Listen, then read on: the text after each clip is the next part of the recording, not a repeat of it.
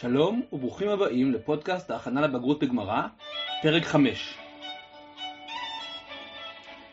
בפודקאסט הזה נלמד את הגמרא בזרימה, בהנאה ובכיף.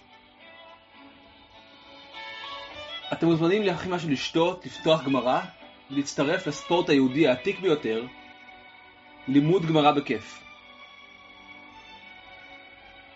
הפודקאסט הזה מובא עליכם בשיתוף מרכז שטיינזלץ וישיבת תקוע, שהיא הישיבה של הרב שטיינזלץ, והוא מוקדש לרפואת כל החולים, וגם, ובמיוחד, לרפואת הרב שטיינזלץ בעזרת השם יתברך. טוב, הסוגיה של היום היא סוגיה ארוכה, ולכן אנחנו נכסה אותה בשני פרקים, במקום בפרק אחד. היום נלמד את החצי הראשון של הסוגיה, ובפרק הבא את החצי השני.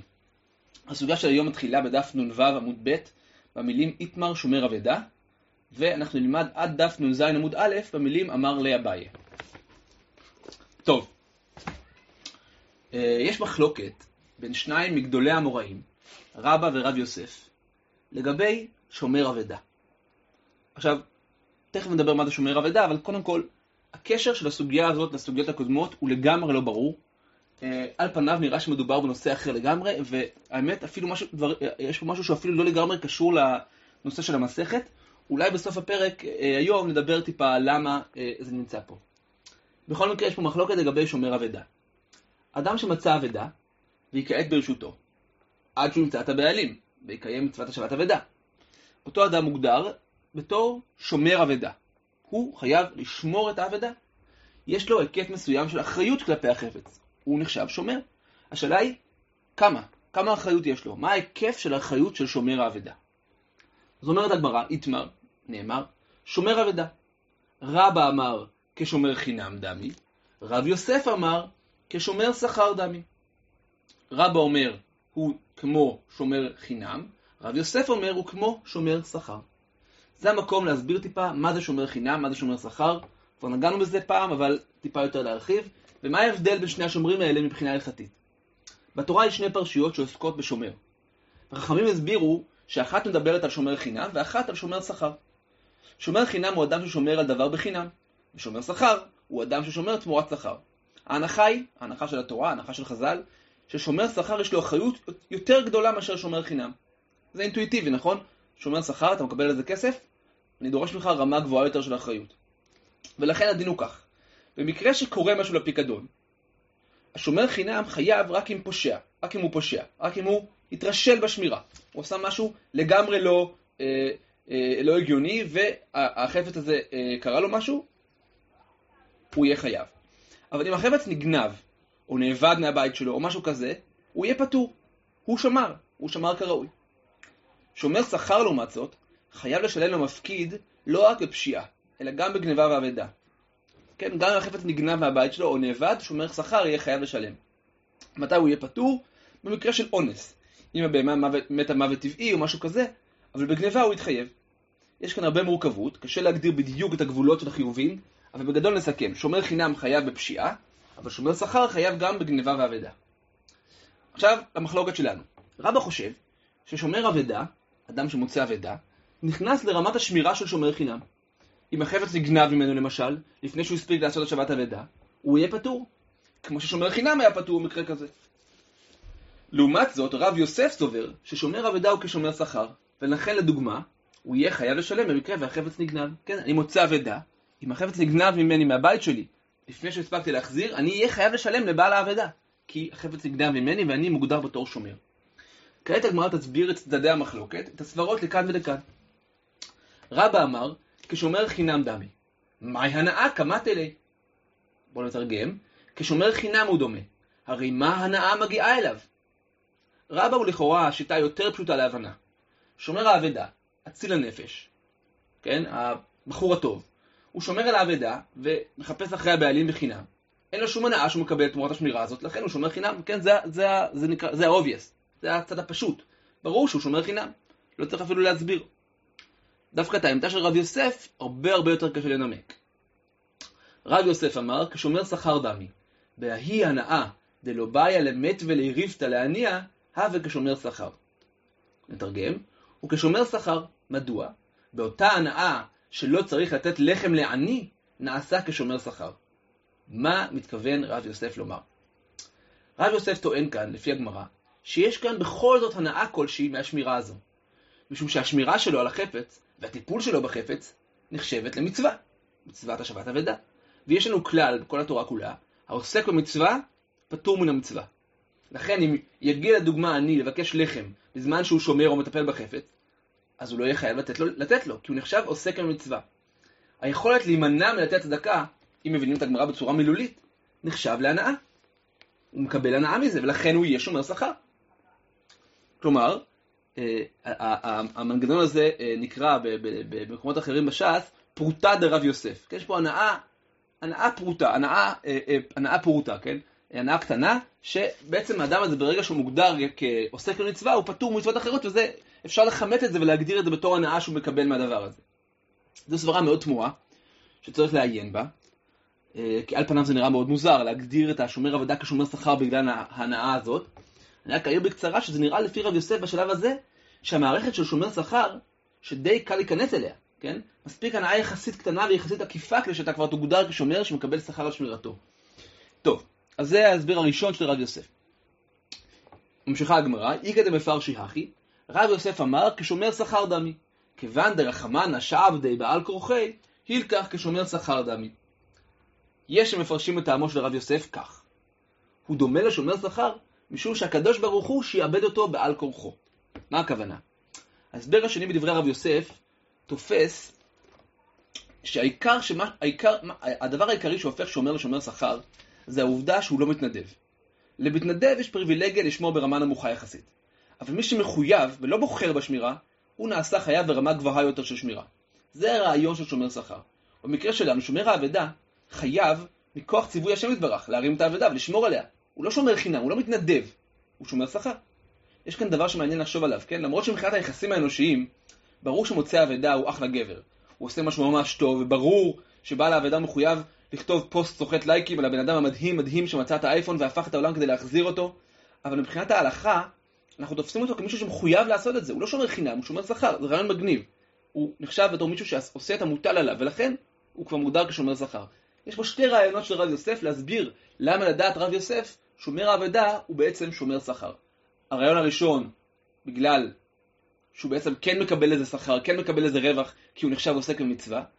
והרעיון השני, לא בגלל השכר, אלא בגלל שהוא מחויב. בגלל שהוא שומר שכר זה הגדרה של בן אדם שהוא מחויב בשמירה, וגם כאן הוא מחויב בשמירה בגלל שהוא מחויב במצוות. בכל מקרה, זו המחלוקת של רבא ורב יוסף. לרבא יש הסבר אחד ודי פשוט, לרב יוסף יש שני הסברים שהראשון קצת תמוה והשני יותר מובן, ככה לפחות לי. כעת הגמרא תעבור לסדרה של התנגחויות בין הצדדים, כשכל צד ינסה לגייס מקורות ולהראות איך הם תומכים בדעה שלו, ואת הצד השני צריך ליישב את המקורות באופן שיתאימו גם לשיטה שלו.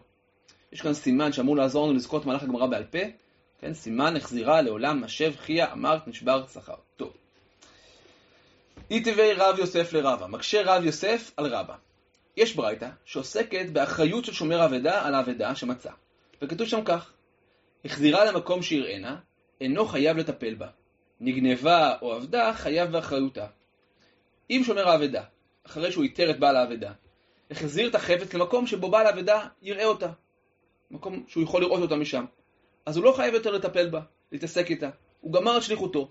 החפץ יוצא מתחום אחריותו. אבל, אומרת הברייתא, אם נגנבה או עבדה האבדה הזו, שוב, לא, לא בטוח שזה אבל, יש פה עוד חתיכה בברייתא.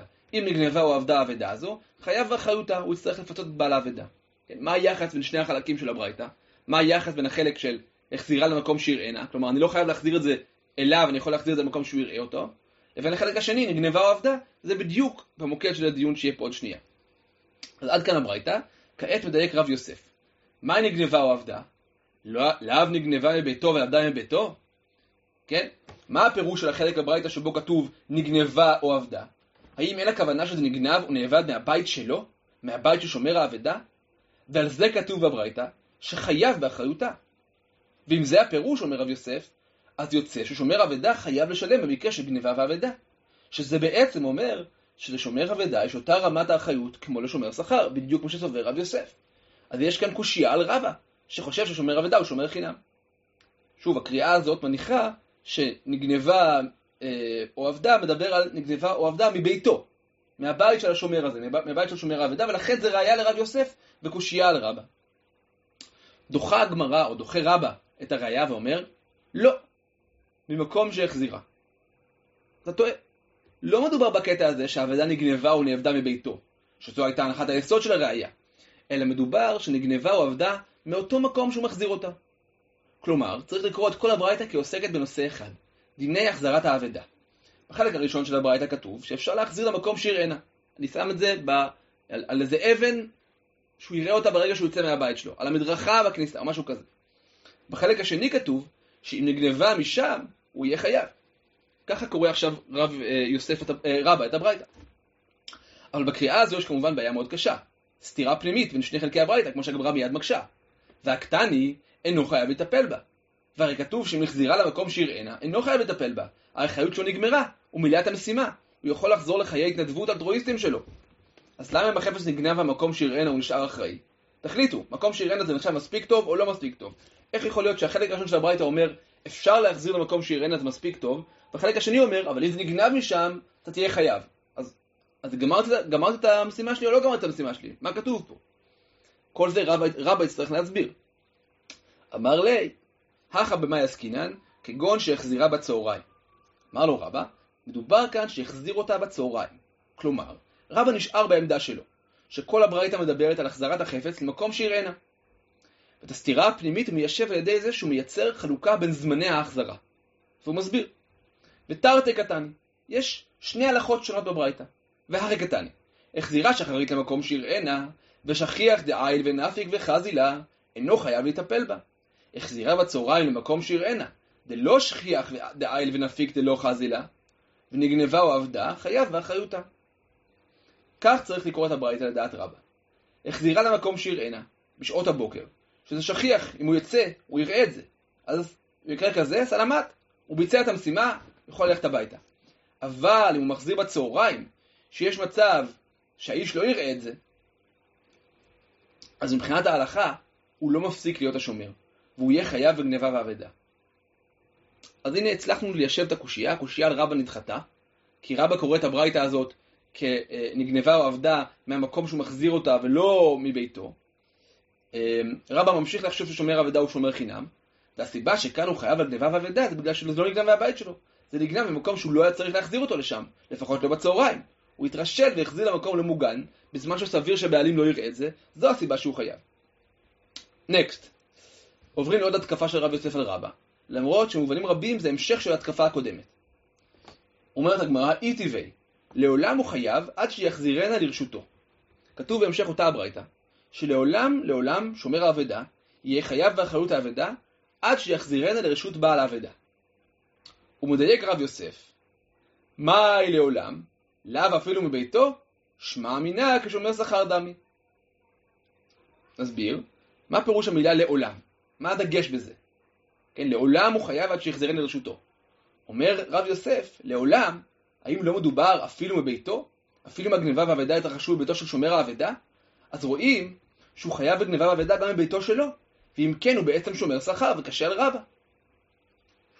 כלומר, הדיוק על המילה לעולם מסמנת לרב יוסף שהחיוב הוא מאוד גבוה, לעולם הוא יהיה חייב, אפילו במקרה של גניבה ואבדה מהבית שלו. אז קשה על רבה. וכאן מגיעה התשובה של רבה, שהיא בעצם נסיגה מסוימת מהעמדה שלו. הוא, הוא, הוא נסוג טיפה מהעמדה שלו, ומתקרב לעמדה של רב יוסף. בואו נראה. אמר לי, כן, רבא אומר, מודינה לך בבעלי חיים, דכיוון דנקתי לאו ניגרא ברייתא, באי נטירותא יתרתא. אומר רבא לרב יוסף, אני מודה לשיטתך, ששומר אבדה הוא כשומר שכר, אבל רק בבעלי חיים. בברייתא שם מדובר בבעלי חיים, לכן רבא אומר לו, אתה בעצם צודק בקריאה שלך בברייתא. באמת משמע שם שהוא חייב בגניבה ואבדה כשומר שכר. אבל זה לא בגלל ששומר אבדה הוא תמיד באופן כללי הוא כשומר שכר, אלא רק פה, בגלל שמדובר בבעלי חיים. ומה מיוחד בבעלי חיים? חוץ מזה שהם חמודים. שברגע שהם יצאו והלכו בדרך חדשה, ניגרא ברייתא, הם צריכים שמירה יתרה, נטירותא יתרתא. בעלי חיים הם קצת כמו אנשים מסוימים שאני מכיר. הם יצורים של שגרה. יש להם שגרת הליכה מסוימת, מקומות מוכרים והתנהגות קבועה יחסית. כל עוד לוקחים אותם בשבילים קבועים ולמקומות קבועים. ברגע שבהמה נאבדת לבעליה מסיבה כלשהי, זה אומר שהיא בעצם יוצאת מהמסלול הרגיל והשגרתי, וכעת, כשהיא בבית של המוצא הישר, היא נמצאת ברמת סיכון גבוהה מאוד לצאת איכשהו, או להיאבד מחדש.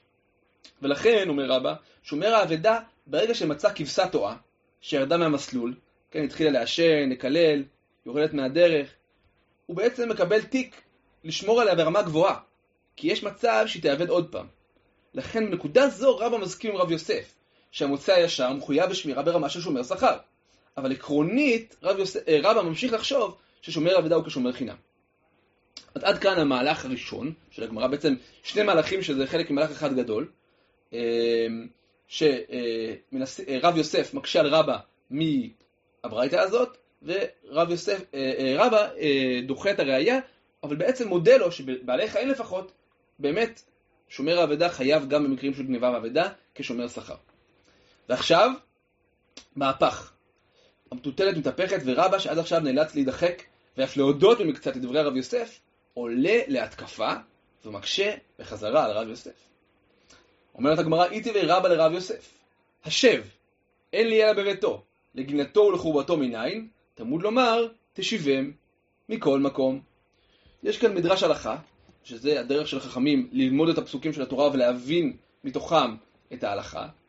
מדרש ההלכה הזה מנסה ללמוד מהפסוקים לאיפה בדיוק מותר להחזיר אבדה. מה זה להחזיר משהו? להחזיר משהו זה לכיס שלו?